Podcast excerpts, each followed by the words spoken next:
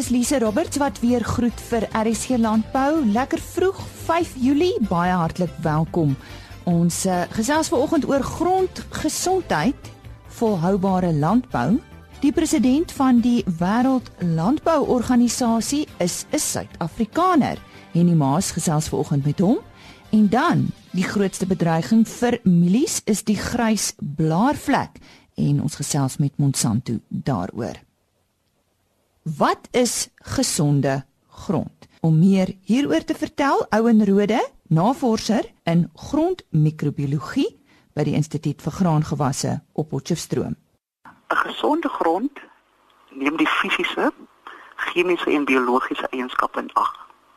Grondbestuurspraktyke soos bewaringslandbou wat grondgehalte bevorder kan kan help om gewasopbrengste en kwaliteit te verseker. In die verlede is hoofsaaklik klem gelê op die fisiese en chemiese aspekte van grond wat nodig is om gewasse suksesvol te verbou. Die biologie speel egter ook 'n belangrike rol om gesonde grond te skep. Ons weet dat in grond van hoë kwaliteit is komponente soos pH, makro en mikrovoedingsstowwe in balans. Dit beteken dat die grond se chemie, fisiese en biologiese eienskappe al drie in korrekte verhouding is. Grondbiologie of grondlewe is afhanklik van grondtoestande en gehalte van die voedselbronne. Alhoewel grondorganismes in swak toestande kan oorleef, reageer hulle skerp op gunstige toestande. Watter rol speel organiese materiaal in die grond? Grondorganiese materiaal bestaan uit ontbinde plant en dieremateriaal. Mikroorganismes is verantwoordelik vir die afbraak van hierdie materiaal en in die proses vervaardig hulle verbindings wat soos 'n gom die gronddeeltjies saambind.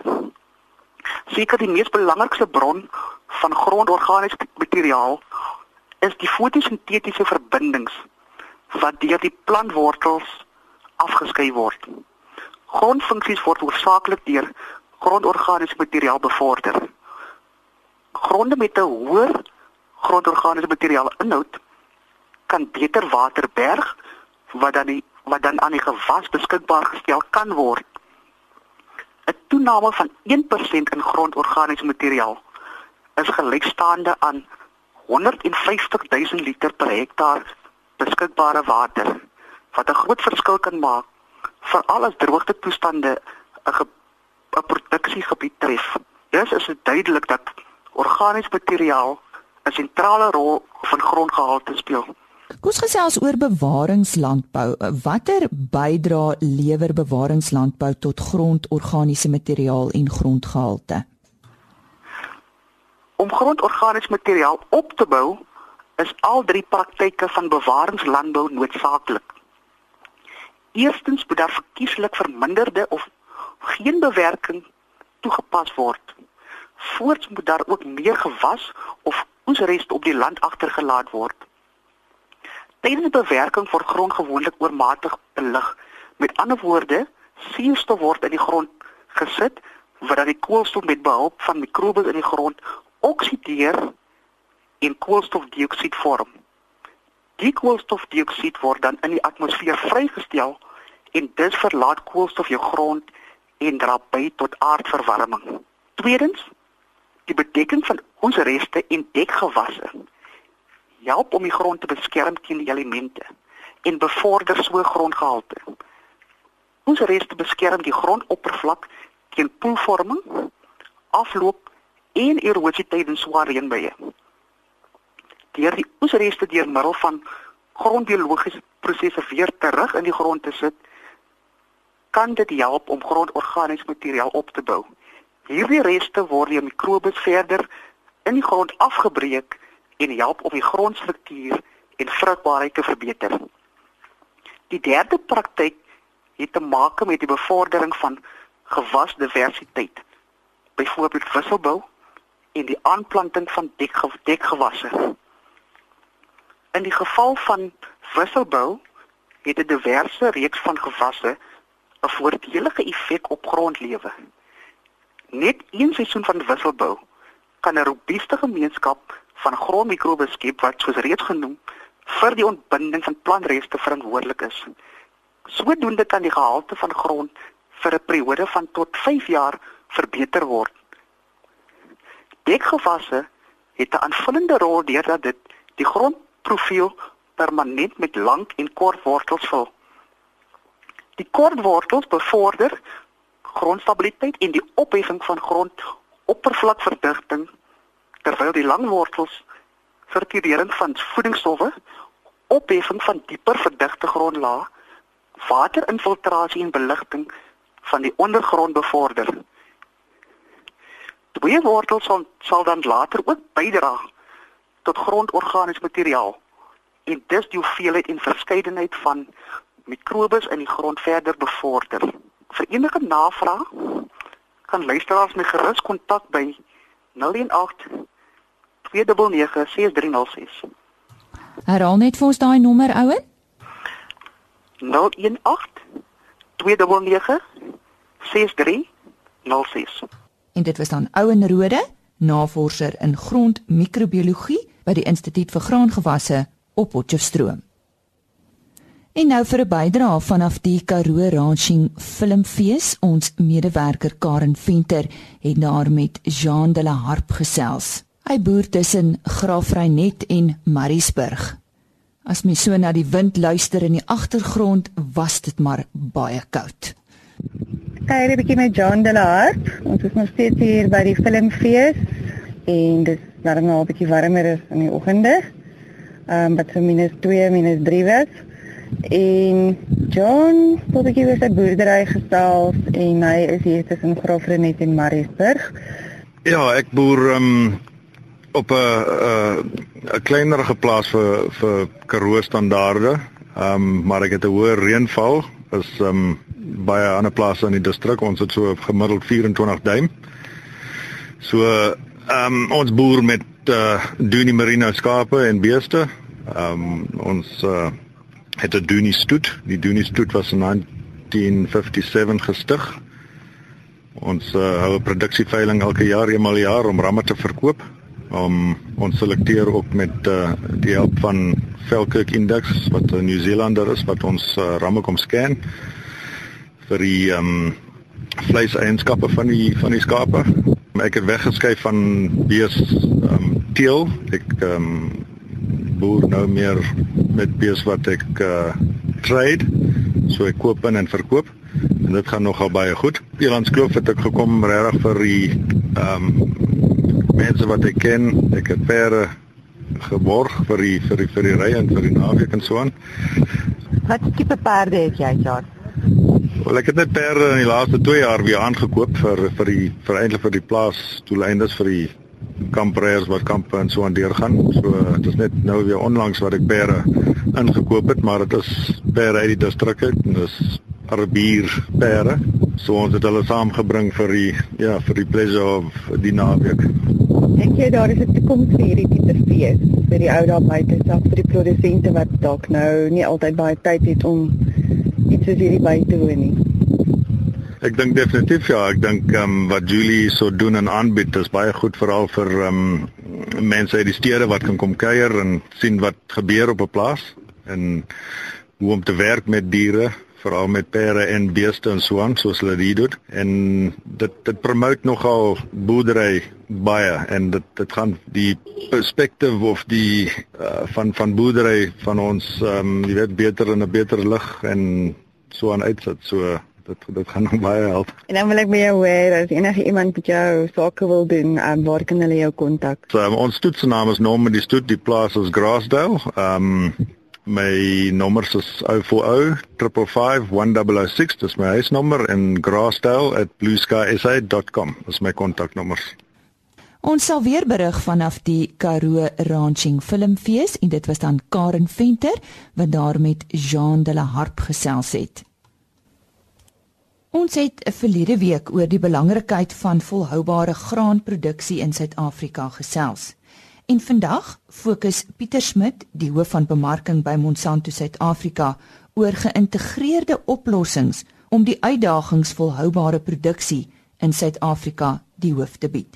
Pieter net ter wille van konteks, Watter uitdagings bestaan in Suid-Afrika rakende volhoubare produksie? Ja, goeiemôre, altyd lekker om te gesels. Ja, as ons kyk na die Suid-Afrikaanse konteks, ehm um, sit ons met die algemene uitdagings aan landbou, maar ons sit ook met 'n paar unieke uitdagings. Ehm um, sekerlik die die mees betekenisvolste van hierdie uitdagings is klimaat. Ehm um, as ons net dink aan die droogte waardeur ons is en nou die goeie jaar waarna ons is, ehm um, bly klimaat sekerlik een van die grootste uitdagings. En dan sit ons ook met baie variasie in terme van ons van ons gronde, ons opbrengspotensiaal van ons gronde en dan is ook baie wispelturige voorvalle van peste en pla. Wat wat wat 'n redelike uitdaging bied vir ons as ons dink in terme van volhoubare landbou.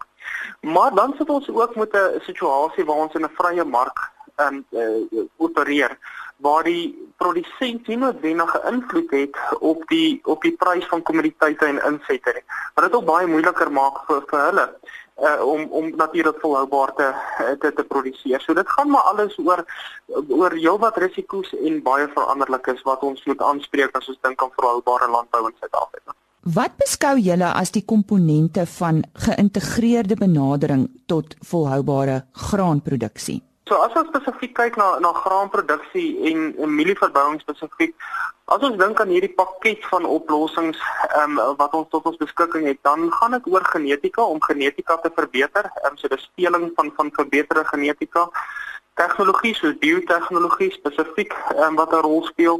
In um, verbeterde gewasbeskerming en biologiese produkte wat ook 'n al hoe belangriker rol begin te speel um, in in vandag se landbou dan moet ons al hierdie komponente bymekaar bring en dit is waar ons die rol van data en um, sien waar ons dan nou 'n presisie landbou gebruik maak om hierdie ehm um, hierdie aanbevelings te maak en te verseker dat ons die regte oplossing op die regte plek op die regte tyd toepas. In kort, wat is biotehnologie? Wel, biotehnologie as jy na die woord kyk, kan sê dit vir jou basies is die tegnologie van die lewe. So wat dit basies behels is om te gaan kyk vir spesifieke voordelige prosesse Ehm um, of dan nou kom ons noem dit nou magene wat nou natuurlik die resep is ehm um, van die boublokke van die lewe.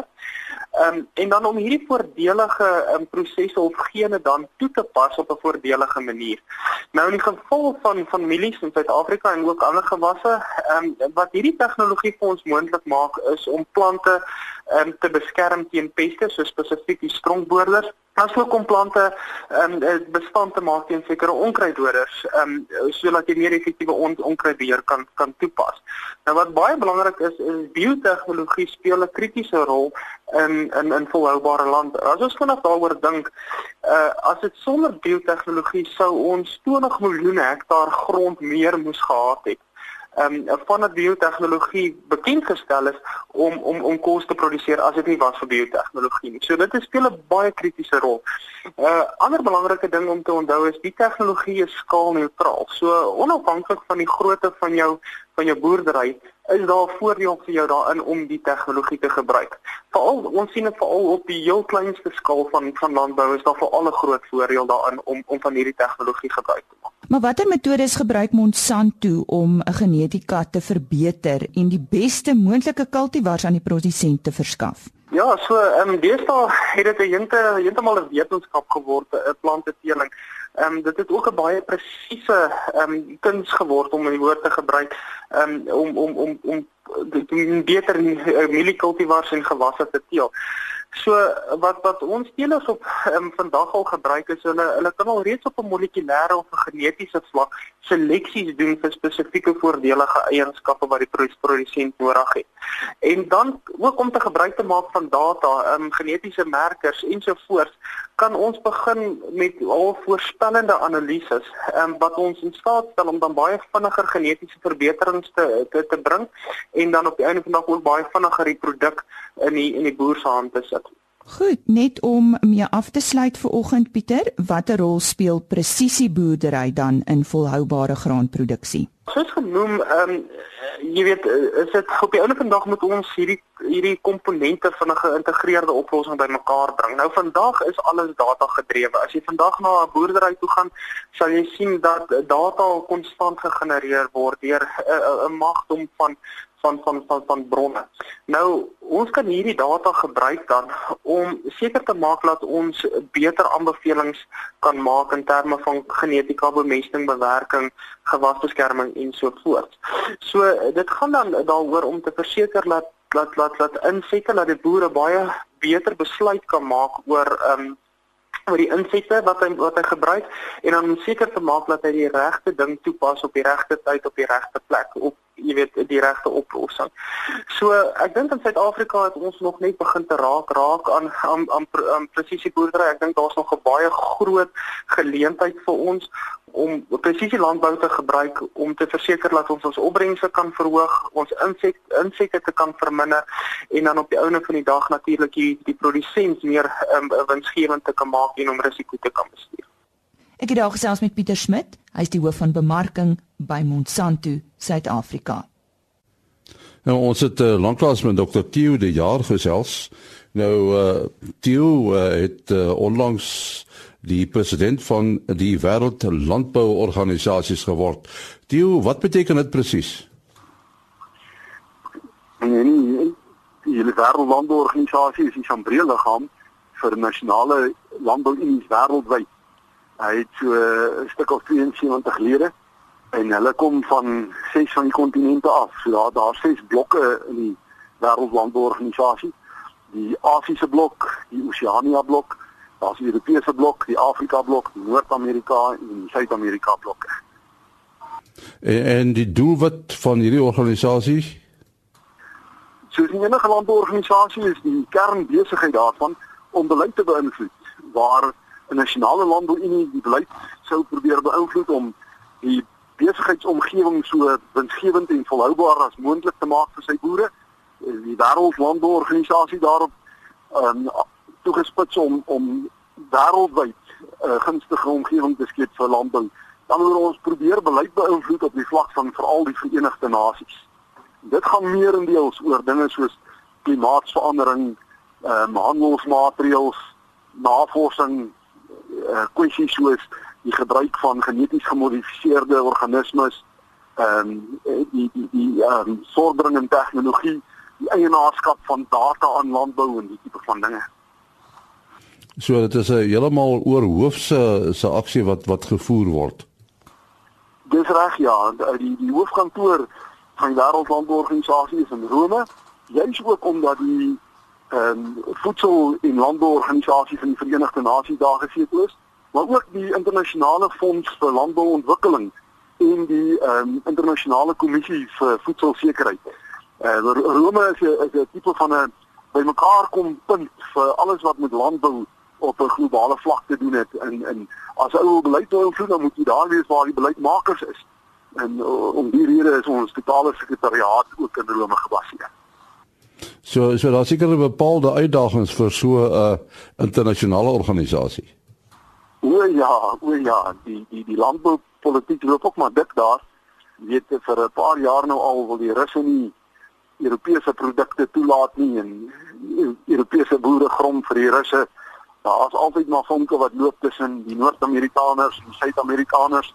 Daar's altyd 'n spanning tussen hierdie lande waar van die ehm um, landbou sterk ehm um, beskerm word teenoor die wat onbeskermd is, die gesubsidieerde lande teenoor die ongesubsidieerde lande en die moontlikheid van storting van surplusse wat die die boere in die lande wat begunstig word eintlik baie seermaak.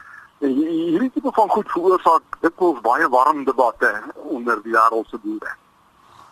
En, en natuurlik eh, Amerika speel seker 'n groot rol. Ja, Amerika speel nog 'n sterk rol en in sekere goed het hulle baie ehm um, ooreenkomste met met ons belang in Suid-Afrika. Byvoorbeeld oor gemodies, uh, geneties gemodifiseerde uh, uh, sade uh, en en en plantmateriaal teenoor die Europese blok wat ook natuurlik baie sterk is in die Europese Unie verband. Hulle sien mekaar baie gereeld. Hulle sit almal saam in Brussel want hulle moet moet uh, beleid probeer beïnvloed in die Europese Unie omgewing. Die um, Afrika blok is ook nogal 'n kragtige blok. Daar's min kapasiteit in daai blok maar maar dis 'n getalryke blok. Sit met 'n groot aantal organisasies wat lede is van die wêreld landbouorganisasie en, en en dan die Asiatiese blok wat 'n enorme mark verteenwoordig ehm en en nie noodwendig dieselfde kapasiteit het wanneer dit aan die produsente kant kom nie, maar byvoorbeeld ehm um, baie nou samewerking het met hulle regerings. Daar daar daar's 'n baie nouer verwantskap in die ontwikkeling van beleid in die Asiëse blok tussen produsente organisasies en hulle regerings as wat elders in die wêreld kry. Uh, so, so kan uh, organisasie soos die uh, die die wêreldlandbouorganisasies kan hy beleid oor hoofs beïnvloed. O ja, daar is 'n um, uh, is 'n uh, vaste plek om die tafel uh, by baie van die veral Verenigde Nasies gesprekke, die jaarlikse gesprek, die konferensie van partye wat oor klimaatsverandering onderhandel, ehm um, het 'n uh, vaste reëling met die wêreld landbouorganisasie om die, om as 'n stem vir die boere in die wêreld op te tree. Kyk, niemand is so kwesbaar vir klimaatsverandering soos wat boere is nie en en, en niemand kan eintlik meer daaraan doen oor 'n korter tyd en en goedkoper as wat wat boere dit kan doen nie. Maar maar ook by die wêreldhandelsorganisasie is daar 'n 'n vaste plek 'n stoel om die tafel vir vir landbou. Uh, die die die afgelope tyd, die afgelope 3 jaar is die wêreldhandelsorganisasie ook 'n permanente lid by die kommissie vir voedselsekuriteit waar waar dit meer oor die voedselketting gaan as as net die die primêre produsent. Maar as jy die primêre produsent uit daai gesprek uithaal, dan val die res van die ketting half plat. Ehm um, die die wêreldlandbouorganisasie het vreeslik aangedring in die afgelope paar jaar om hierdie permanente sitplekke te hê op op wêreldliggame met, met met die uitgangspunt as as boere nie om die tafel sit nie dan sou jy waarskynlik op die spyskaart. Theo, hoe lank is jou termyn dan as president? Ek is nou gekies vir die volgende 2 jaar. Ehm um, so so volgende jaar is is daar nie weer 'n verkiesing oor vir die presidentskap in Moskou nie, maar maar die jaar daarna uh, maak maak my huidige termyn klaar.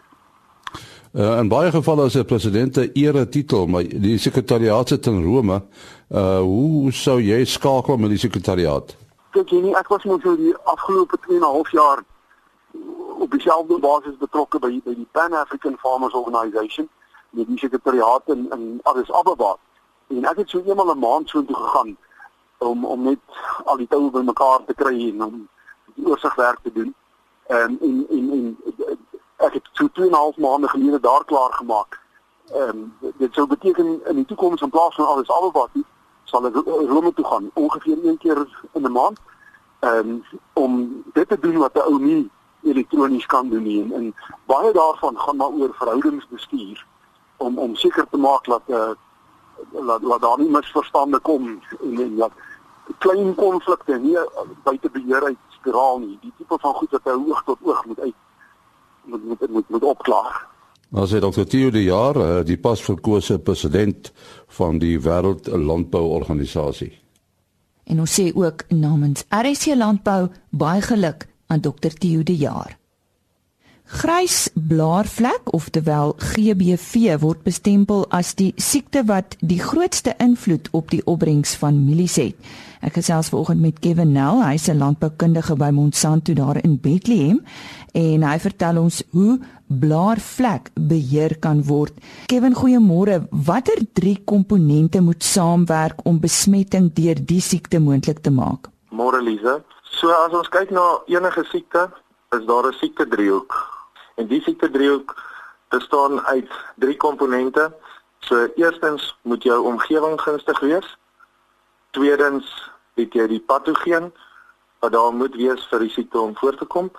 En derdens moet jy die gasheerplant hê waarin die patogeen kan infekteer en die siekte kan veroorsaak. Nou wat presies is GBV of uh, grys blaarvlek? Goed, so, grys blaarvlek is 'n swansiekte Hy infekteer mielies en hy is een van die belangrikste swansiektes op mielies in Suid-Afrika en ook in groot dele van die van die wêreld waar daar mielies geproduseer word.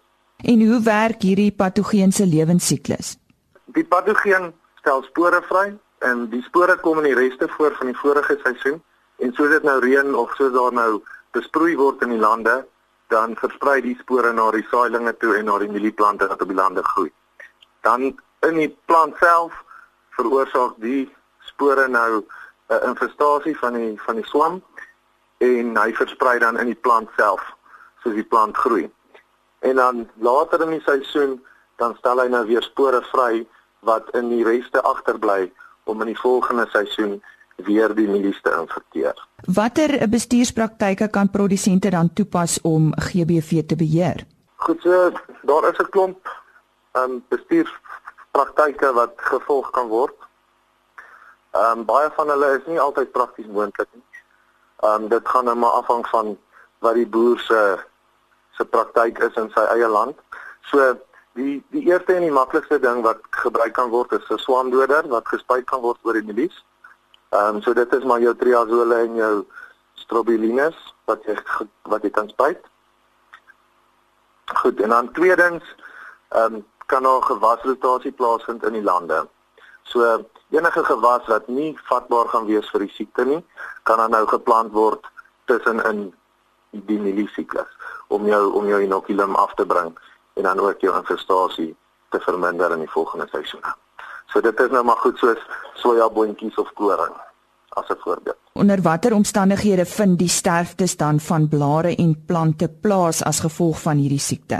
Goed, so as die siekte nou infekteer in die land en die seisoen vorder, dan versprei hy nou maar deur die plant van die onderkant van die plant af na die bokant toe.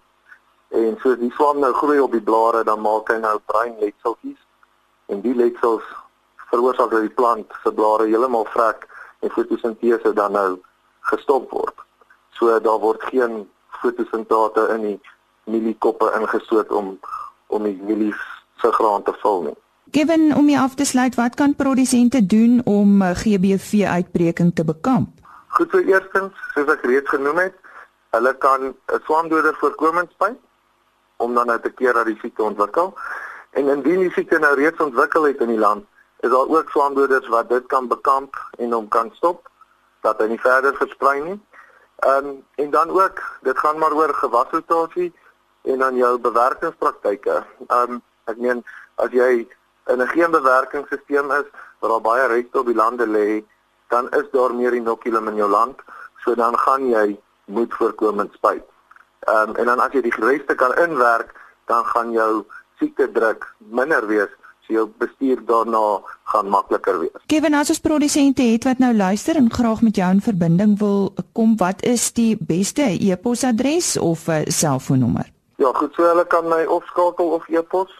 Ehm um, my selfoonnommer is 079 890 2125. Ehm um, hy is ook in ons produkgids beskikbaar. En dan kan hulle my e-pos by kevin.nel@monsanto.com. En ons moet onthou van daai .com en nie .co.za nie, né? Ja, dis .com en nie .co.za.